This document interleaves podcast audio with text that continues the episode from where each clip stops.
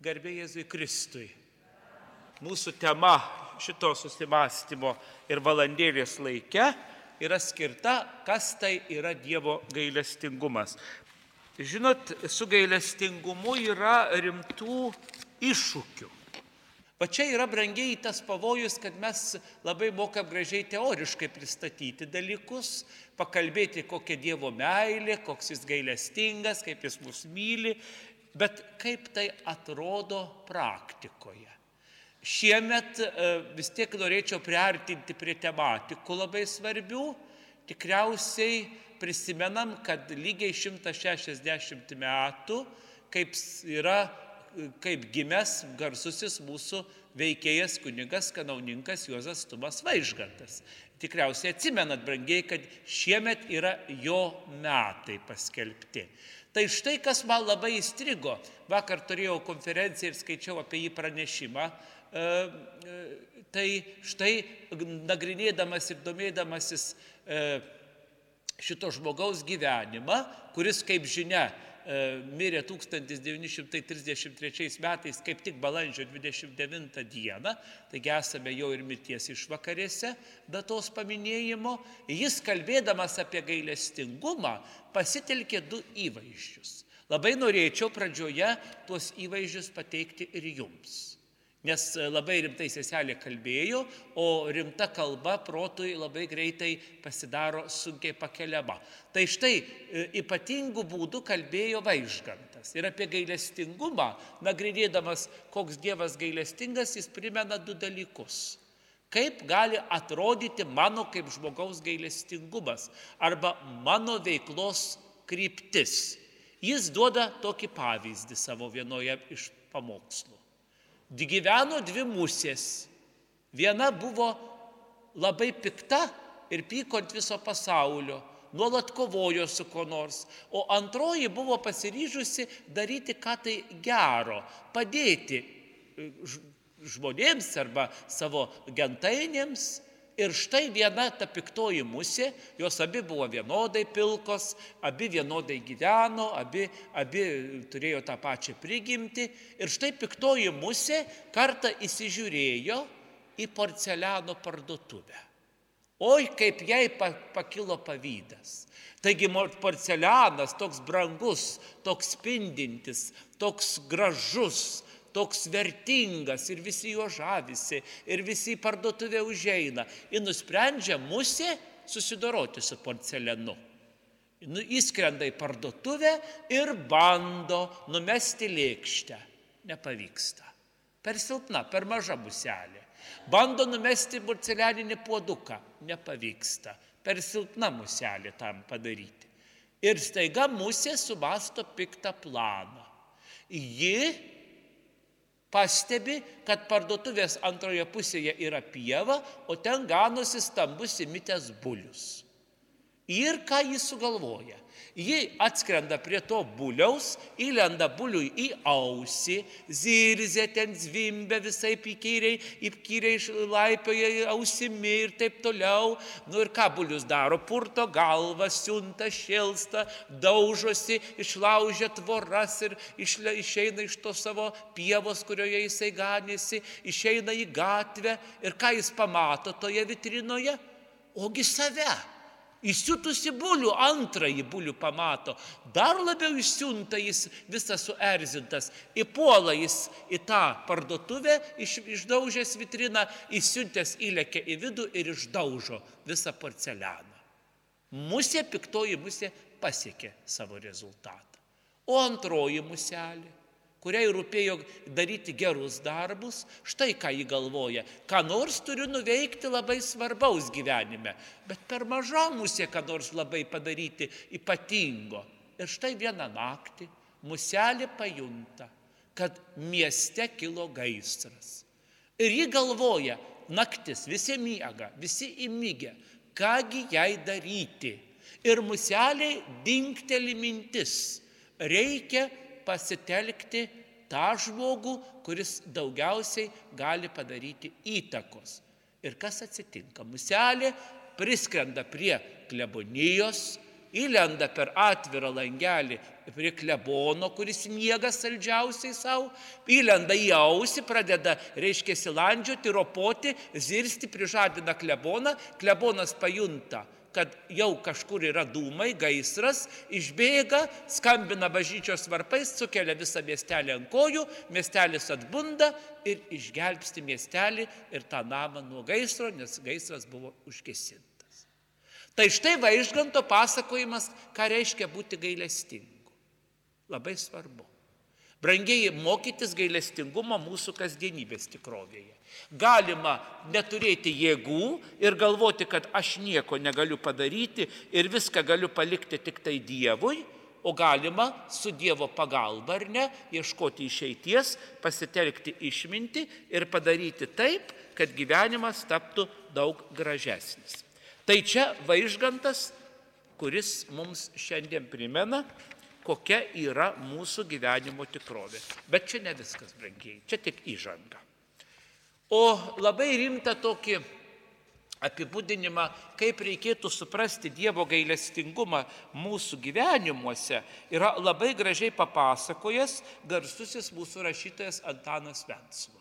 Tikriausiai vyresniai žino, va seselė Agnė yra viena iš intelektualiausių, tai tikrai žino, tai yra ypatingas, ypatingi žmonės tuo metu tarpukario laikais. Situacija buvo sudėtinga kaip ir šiandien. Mes tik galvojam, kad mūsų laikai labai sudėtingi, bet ir anais laikais, tarpukario laikais taip pat buvo sudėtinga situacija. Ir štai ką Venslova yra parašęs savo prisiminimuose. Kartą, sako jis, kairiųjų rašytoje garsų į Korsaką, prezidento iniciatyva pasodina į kalėjimą už komunistinę veiklą. Faktas. Nusprendžia Venslova gelbėti savo draugą, savo bendramokslį, savo bendražygį. O kuo remtis? Reikia eiti pas pačius žymiausius to meto Kauno bendruomenės žmonės.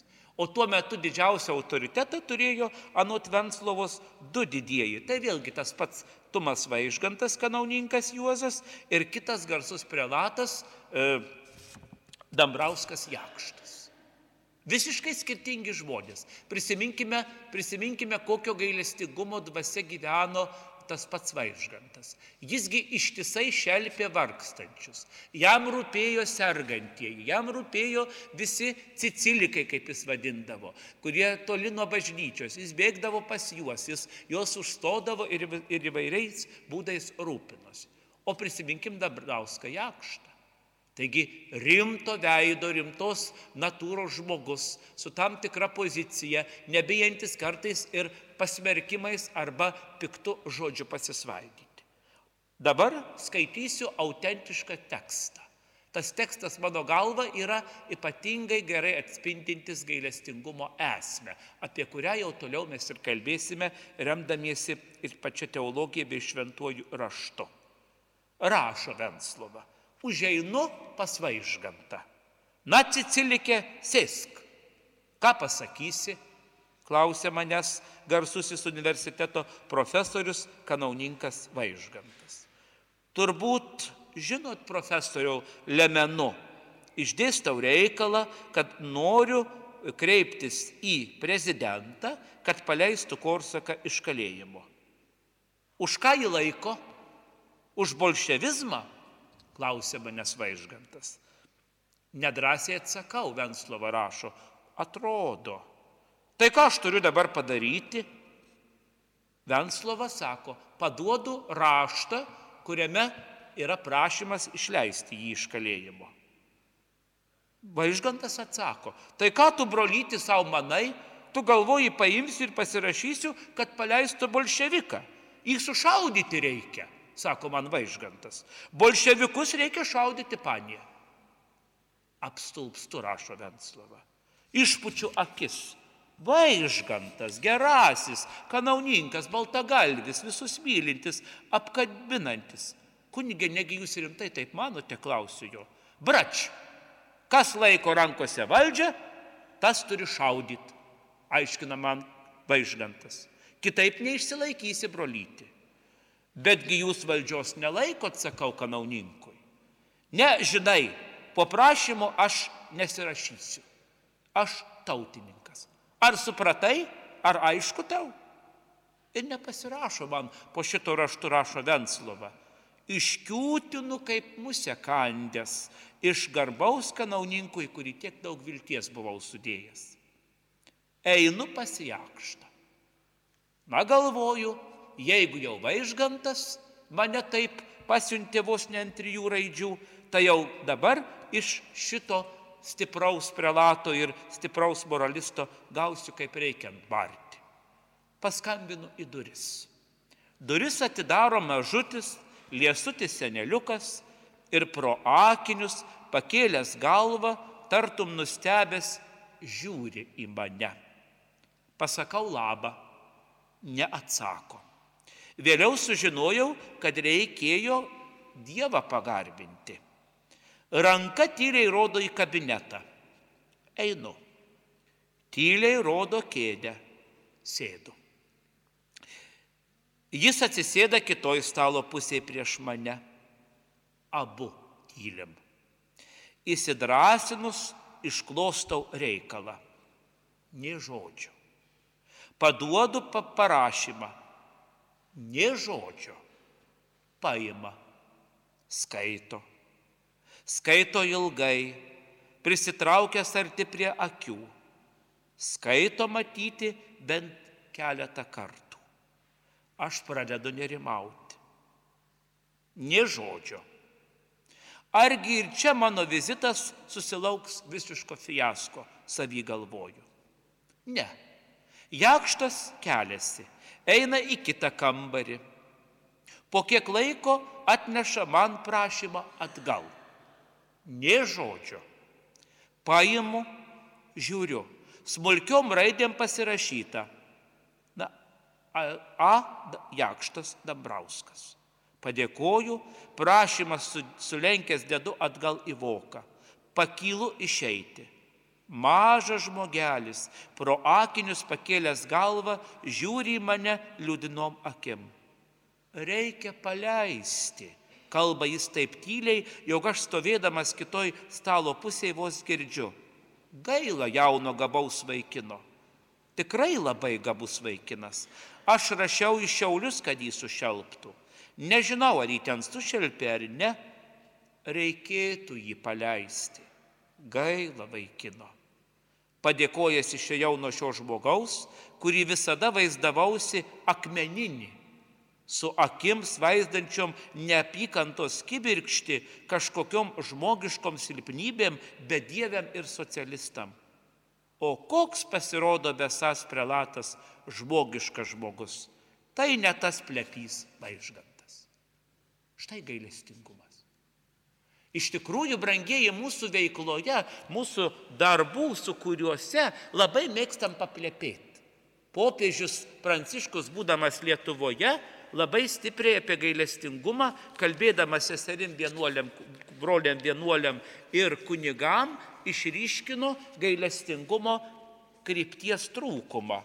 Jisai sako, na štai, seserys ir broliai, plepa, plepa, plepa, sakė jis. Dirbti, dirbti, dirbti reikia. Artumas reiškia gailestingumą. Kantrumas ir tyla reiškia gailestingumą. Šiame krašte, kur Jėzus apsireiškia kaip gailestingasis Jėzus, dvasininkas ir vienuolis negali būti negailestingas. Ypač tuos tiem žmonėms, kurie yra suvargę gyvenimo kelionėje. Juk tą vargšelį žmogų jau pakankamai aptalžo gyvenimas. Leiskite jam patirti atleidžiančio tėvo glėbį. Pavyzdžiui, Jei negali duoti jam kokios pagalbos, suteik jam brolišką ir tėvišką paguodą. Padrasink jį eiti pirmin. Patikink jį, kad Dievas viską atleidžia. Bet daryk tai su tėviška šiluma. Niekuomet nevyk nieko nuo savęs, nenuvaryk šalin. Žiūrėk, tu negali, aš dabar negaliu, bet Dievas tave myli. Tu melskis, sugrįžk ir pasikalbėsime apie gyvenimą. Šitaip, artumas tai yra būti tėvu. Negi tau nerūpi tas nusidėjėlis, kurį šitaip nuvėjai. Nekalbu apie tai, kas vyksta čia, nes jūsų nepažįstu. Kalbu apie įvairias situacijas. Taigi, jūs broliai seserys, būkite gailestingumo paštalai savo aplinkoje. Tik tai be plepa, plepa, plepa. Čia ne mano, čia popiežiaus pranciškaus žodžiai. Cituoju iš kalbos sakytos rugsėjo mėnesį mums visiems, kurie buvome Kauno arkikatedroje bazilikoje.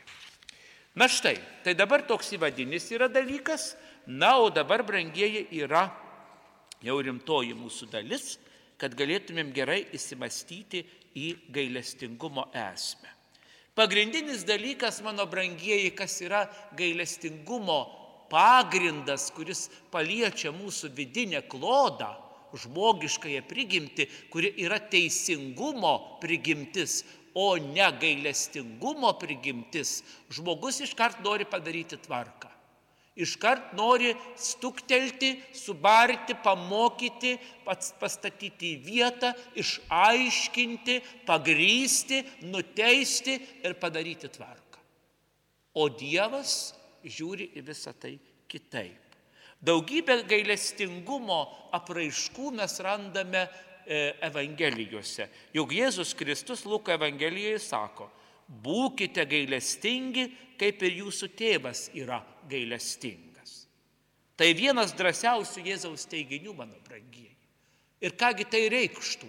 Jau galėtumėm iš tų dviejų interpretavimo metodų susidaryti vaizdą, ką reiškia būti gailestingu savo tikrovėje.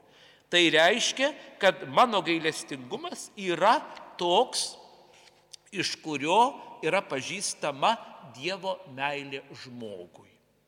Ir jeigu atsimintumėm, kiek yra palyginimų, kuriuose Dievas kalba apie gailestingumo esmę, tai suprastumėm, kad gailestingumas yra ne idėja, mano brangieji. Gailestingumas yra Dievo esmė. Arba tikinčio žmogaus gyvenime gailestingumas iš tikrųjų yra tas pagrindas, ant kurio statome savo tikėjimo esmę. Be tikėjimo, mano brangiausiai broliai seserys, neįmanoma būti gailestingu. Nes mes žinome psalmės žodžius.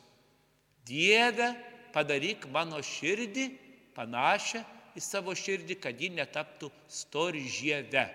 Tai reiškia, tik tai tikėjimas padaro mūsų širdį pajėgę gaivinti santyki savo tikrovėje su atlaidumo dvasia, su gebėjimu matyti kitą žmogų kaip dovana ir kaip Dievo plano dalį. Juk ar būtumėm, skaitytumėm apie pasiklydusią avį, ar apie pamestą drachmą, ar apie sūnų palaidūną, ar apie du skolininkus ir skolintoje, ar apie gailestingą į samarietį, arba turtuolį ir vargšą lozorių, ar neteisingą teisėją ir įkyrę našlę, apie fariziejų ir muitininką šventykloje, jeigu skaitome šitą švento rašto vietas, taigi save atpažįstame, mėlyjeji mano, save. Kiekvienas save, juk kiekvienam iš mūsų yra būdinga pasielgti taip, kaip nereikėtų.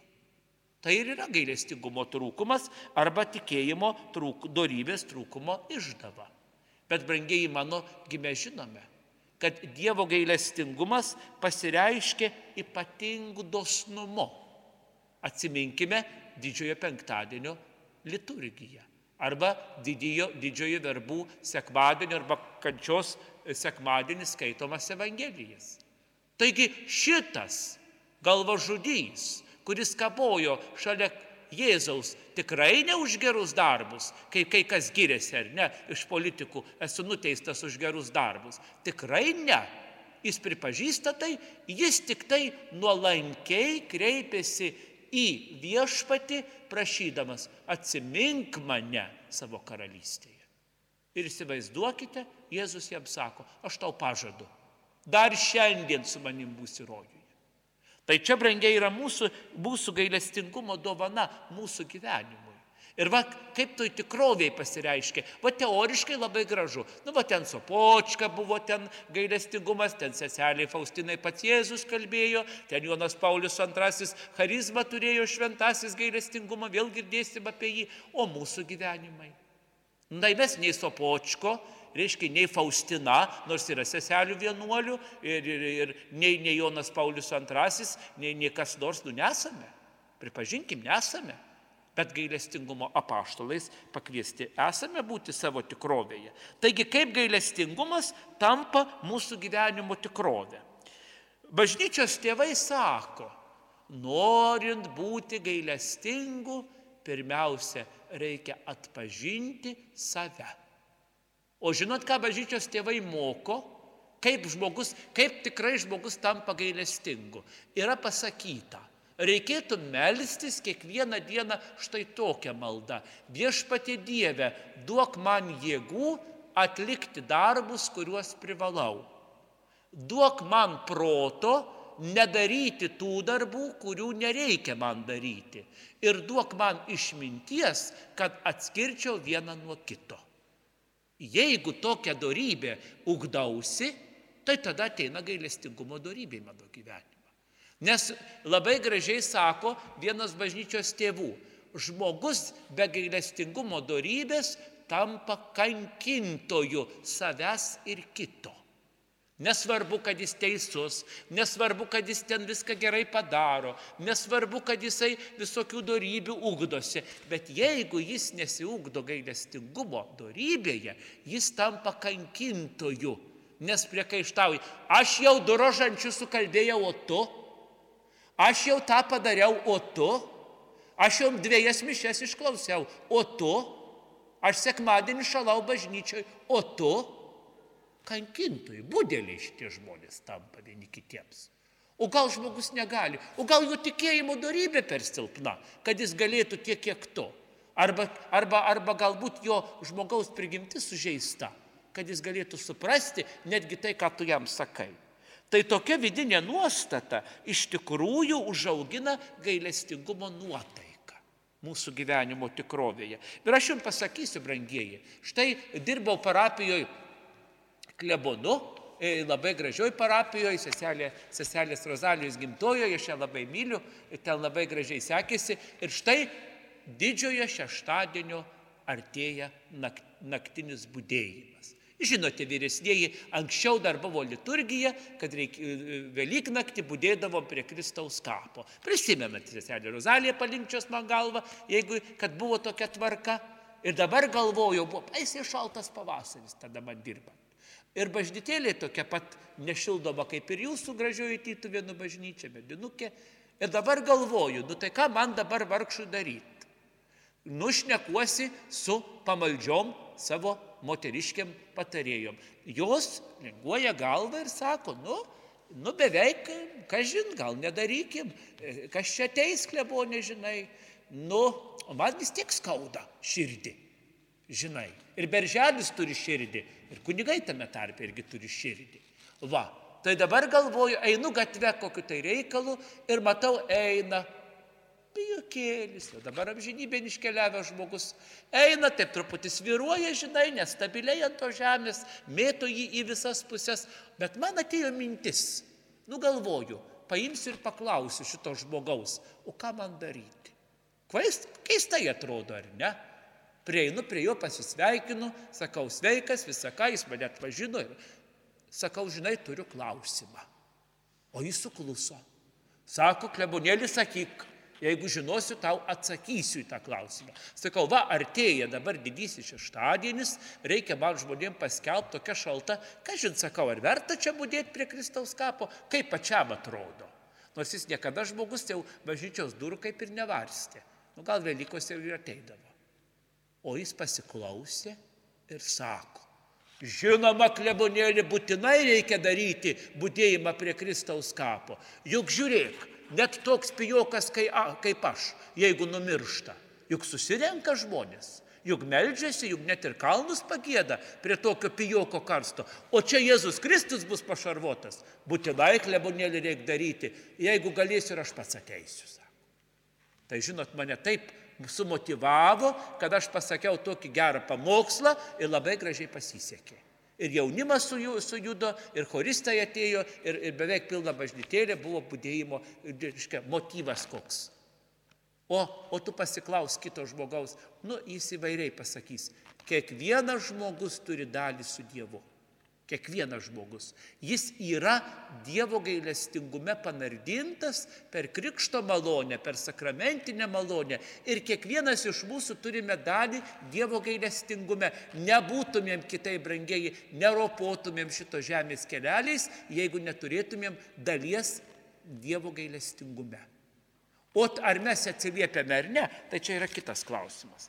Dabar toliau reikėtų dar pakalbėti mums apie gailestingumą kaip apie gyvenimo atspindį. Dabar bažnyčios tėvai, žinot, bažnyčios tėvai tai čia yra doktrina, e, teologija ir gili įžvalga.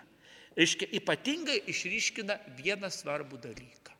Sako, gyvenimo išmintis ir gailestingumas pasireiškia tuo, kad žmogus turtingas yra ne todėl, kad turi, o todėl, kad jam užtenka tiek, kiek jis turi. Ir dabartinis pasaulis, e, kuris gyvena be gailestingumo nuotaikos arba be gailestingumo įsigilinimo, štai koks jis yra. E, naujausia statistika rodo, kad praeitais metais nuo bado mirė apie milijonas žmonių pasaulyje. Na, nuo bado tai čia prasto maitinimuose, vandens trūkumo, dėl sausrų, dėl, dėl klimato kaitos ir taip toliau.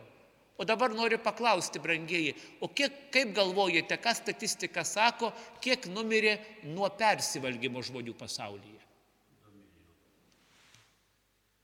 Cėlį trys. 3 milijonai numirė nuo persivalgymo lygų. Nu, nuo nutukimo, ten, nuo, nuo per gero maitinimos ir taip toliau. Be gailestingumo gyvenantis pasaulis yra iškreiptas pasaulis.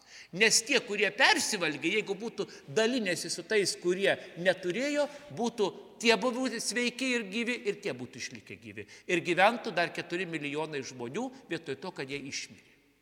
Štai kas yra brangiai gailestingumo nebuvimas mūsų pasaulyje.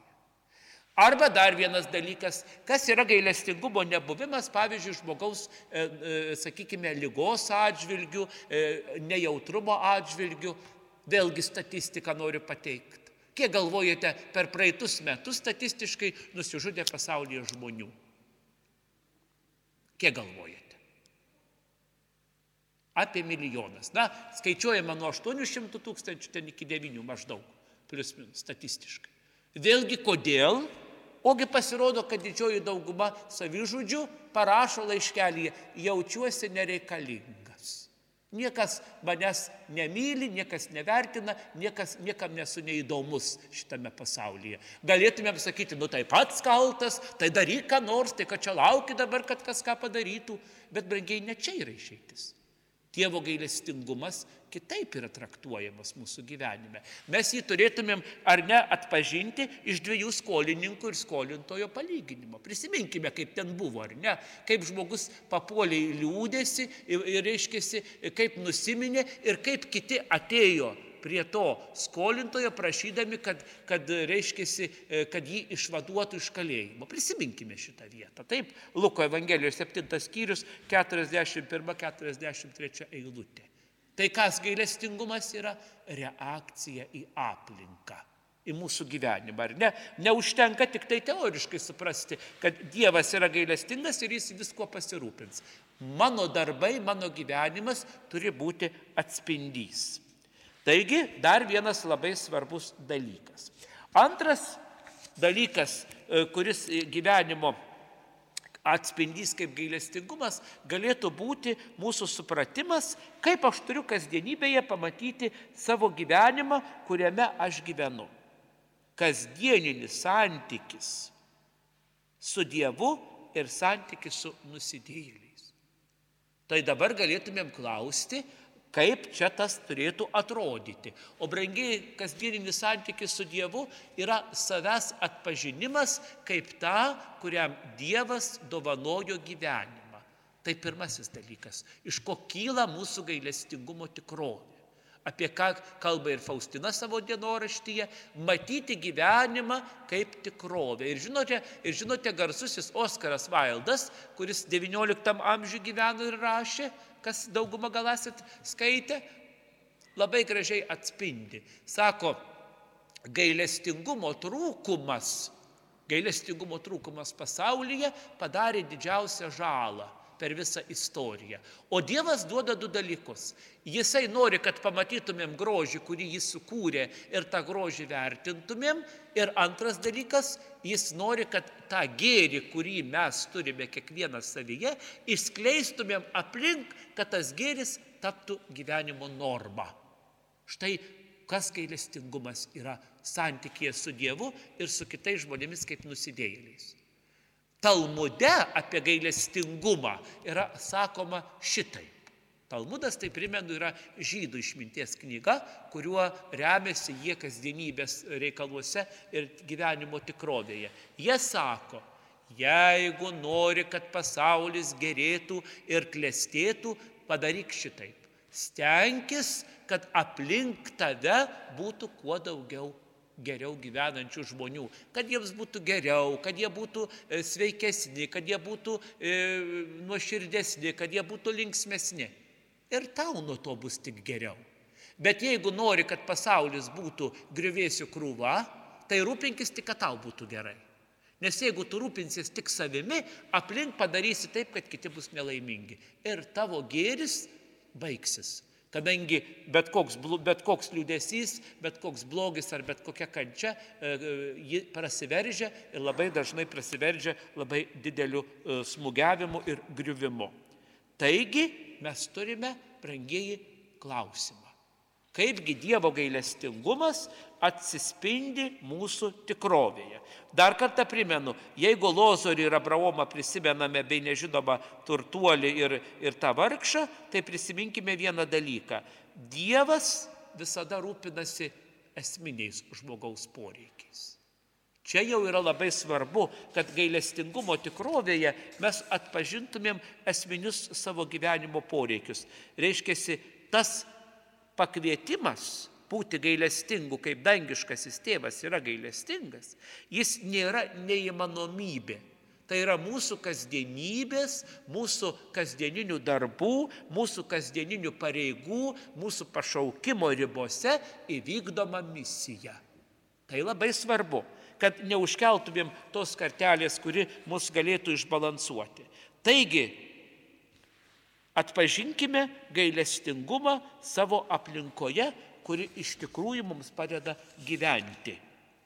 Tai, brangieji, gailestingumo dėka žmogus žmogui padeda gyventi. Gailestingumo dėka žmogus žmogui padeda tikėti. Gailestingumo dėka žmogus į žmogų žiūri kaip į dovaną, ne kaip į priešą ar į sudėtingą būtybę, kurioje atpažin, at, tik atpažįsti tą, kuris tave gali varginti.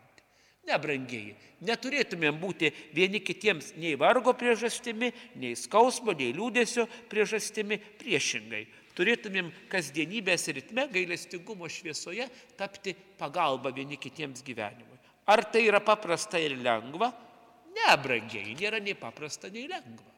Tai yra didelis uždavinys ir savo jėgomis mes čia nieko nenuveiksime. Prisiminkime psalmė žodžius. Sako, bedievis yra kaip pelai blaškomi vėjo. Škai jie niekam neverti. Juos išblaško e, gyvenimo audros, išblaško pavydas ir taip toliau išdrasko, o tas, kuris tiki Dievą, yra kaip tas medis prie upelio sodintas. Tuos gerą derlių metui atėjus. Taigi prisiminkime šitą kasdienybėje ir netapkime storžieviais, kad mūsų gyvenimas nebūtų įkalintas tik mūsų vidinėje tikrovėje. Taigi tėvo ir sunaus palyginime, ar ne, atpažįstame, kad tėvas pažino jį iš tolo ir labai susigaudino. Ar ne yra tokia vieta? Prisimenam šitą istoriją, visi nebekartoju. Tai labai svarbu atpažinti kitame tą kuriam reikia Dievo gailestingumo. Man reikia Dievo gailestingumo ir kitam reikia Dievo gailestingumo. Man reikia žmonių gailestingumo ir iš manęs reikia kitam gailestingumo. Man gailestingumas yra dovana ir kitam tą dovaną esu pakviestas dovanoti. Štai kur yra tas, sakyčiau, modelis, padedantis toj kasdienybėje susivokti, kaip mes turime atrodyti gailestingumo apaštalais. Kokia tai yra kryptis. Ne, ne, brangiai, tai nėra ple, ple, ple, ple. Tai yra rimtas darbas, rimtas uždavinys, bet labai teikiantis daug vidinio džiaugsmo. Kadangi gailestingumo samprata turi ateiti iš mūsų vidinės kultūros, iš vidinio aiškumo, kam esu paskirtas šitoje žemėje, kokią misiją turiu atlikti. Taigi žmogaus širdis bedugnė, brangieji, o gailestingumas yra svarbiausias dalykas, kad toje bedugnėje jį surastumėm. Juk Kristus nekartai yra sakęs, iš geros širdies žmogus ima gero lobino daiktus ir duoda kitiems. Iš blogos širdies ima blogo lobino daiktus ir mėto juos į kairę ir į dešinę, neždamas kančią ir skausmą. Mes, brangieji, iš tikrųjų esame pakviesti būti samariečiais. Kasdienybėje pastebėti tuos, kuriems reikia mūsų pagalbos. Ir daryti gerą darbą ne dėl to, kad tai yra privilegija ar bus naudinga ir atlyginta, o dėl to, kad Dievo meilėje pats gyvenu. Nu, negaliugi kitaip suprasti, kaip tik tai tą tikrovę, kurioje esu, jog aš būdamas Elgeta, nes viską, ką turiu, esu gavęs iš Dievo, iš tikrųjų esu pakviestas dalintis tuo, ką turiu su šalia esančiu. Taigi mano gyvenimas kantri malda, nuoširdus dalinimasis ir gebėjimas vertinti dalykus, kuriuos turiu kaip dovana, iš tikrųjų te tampa gražiausia dovana Dievo akivaizdui. Tai tokia yra žinia, brangieji, apie gailestingumą, kuris ateina iš Dievo ne kaip teorija, ne kaip koks tai mokymas, bet vidinė tikrovė kurioje iš tikrųjų kartais, kaip tas jakštas, tylėdamas ir kantriai žiūrėdamas, galiu prisidėti prie žmogaus gyvenimo ir likimo pakeitimo. Tai yra mūsų kasdienybė, mūsų tikrovė. Taigi, brangiai, baigiant visai noriu pasakyti, kad gailestingumas yra iš tikrųjų dovana, kurią aš turiu paimti iš Dievo artumo. Negaliu nei sugalvoti, nei, sus, nei pats sumastyti, kaip tai turi atrodyti, neturiu jokių galių, kaip tai padaryti savo jėgomis, nes čia ne žmogaus jėgoms, brangieji. Dar kartą kartoju, tik tai žmogus gali teisingumą vykdyti savo supratimo lygmenyje, o gailestingumas didžiuojasi prieš teismą. Atsiminkime apaštalo Pauliaus pasakytus žodžius. Ir norint būti gailestingu, brangieji, Dievo reikia klausyti labiau negu žmonių. Ir kartais nežiūrėti į tai, kas yra nesuprantama. Meilė, mano brangiai, dažniausiai neturi logikos, kaip ir gailestingumas. Jis dažniausiai yra visiškai be jokios sveiko proto logikos, nes Dievui būdinga yra ateiti per atviras širdis, per tą nuširdumą ir neužkėtinkite širdžių, sako mums šventasis raštas, kad netaptumėte kitos skausmo priežastimi. Būkime gailestingi, kaip mūsų dangiškasis tėvas yra mums gailestingas.